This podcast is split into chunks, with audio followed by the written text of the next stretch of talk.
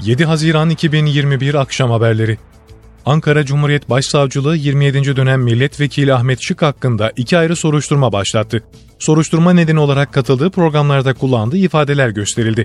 Açıklama Ankara Cumhuriyet Başsavcılığı tarafından yapıldı. İstanbul Milletvekili Ahmet Şık hakkında iki ayrı resen soruşturma başlatıldığı belirtildi. Ahmet Şık'ın katıldığı iki ayrı yayında sarf ettiği sözler soruşturma nedeni olarak gösterildi. İçişleri Bakanlığı Eren 13 operasyonu kapsamında Şırnak Merkez ilçesi Cudi Dağı, Tuşimiya Vadisi bölgesinde bir teröristin etkisiz hale getirildiğini bildirdi. İçişleri Bakanlığı'ndan yapılan açıklamada Eren 13 operasyonu kapsamında Şırnak Merkez ilçesi Cudi Dağı, Tuşimiya Vadisi bölgesinde Çakır Söğüt Jandarma Komando Tugay Komutanlığı'na bağlı Jandarma Komando birliklerince operasyon düzenlendiği belirtilerek çıkan çatışmada bir teröristin silahıyla birlikte etkisiz hale getirildiği kaydedildi. Açıklamada bölgede operasyonun devam ettiği ifade edildi. Milli Savunma Bakanlığı Fırat Kalkanı ve Barış Pınarı bölgesinde 6 PKK-YPG'li teröristin etkisiz hale getirildiğini bildirdi.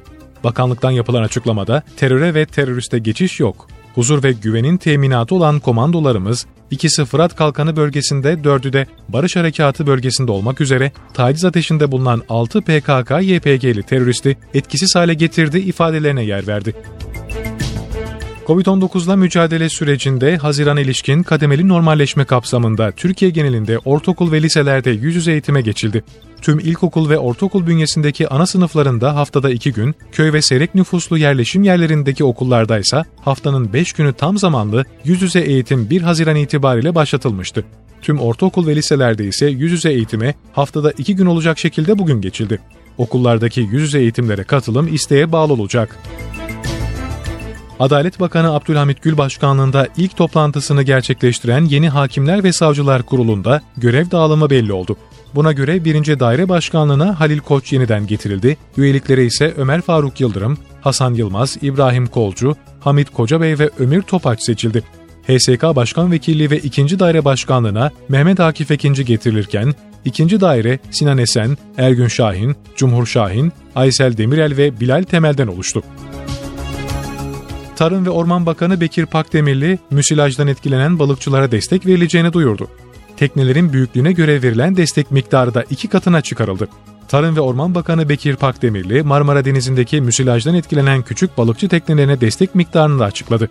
Marmara'daki müsilajın çok miktarda balıkçı ağının denizlerde kaybolmasına ya da çıkarılamamasına yol açtığını dikkate çeken Pakdemirli, bu ağların çıkarılması için çalışma yürüteceğiz. Marmara'da küçük kıyı balıkçısına ödediğimiz destekleme miktarını iki katına çıkardık dedi.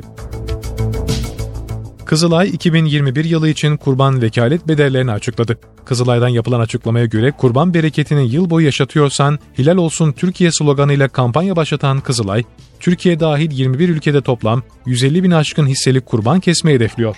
Kızılay 2021 yılı içinde vekaleten bedelini yurt içinde 1050 olarak belirlerken, yurt dışından vekalet vermek isteyenlerse 125 dolar veya 105 euro bedel karşılığında bir hisselik vekaletini Kızılay'a verebilecek.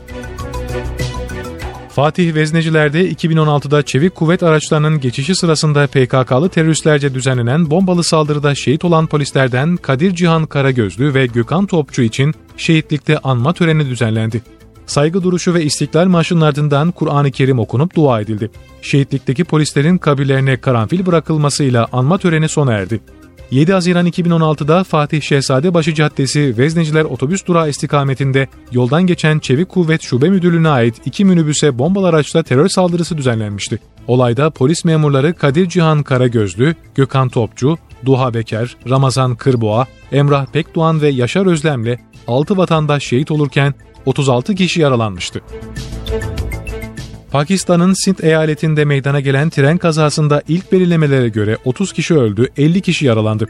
Yetkililer eyaletin Gotki bölgesinde seyir halindeki bir trenin vagonun yerinden çıkması ve sürüklenmesi nedeniyle karşı yönden gelen başka bir trenle çarpıştığını belirtti. Kazada ilk belirlemelere göre 30 kişinin öldüğü, 50 kişinin yaralandığı açıklayan yetkililer arama kurtarma çalışmalarının ise sürdüğünü kaydetti.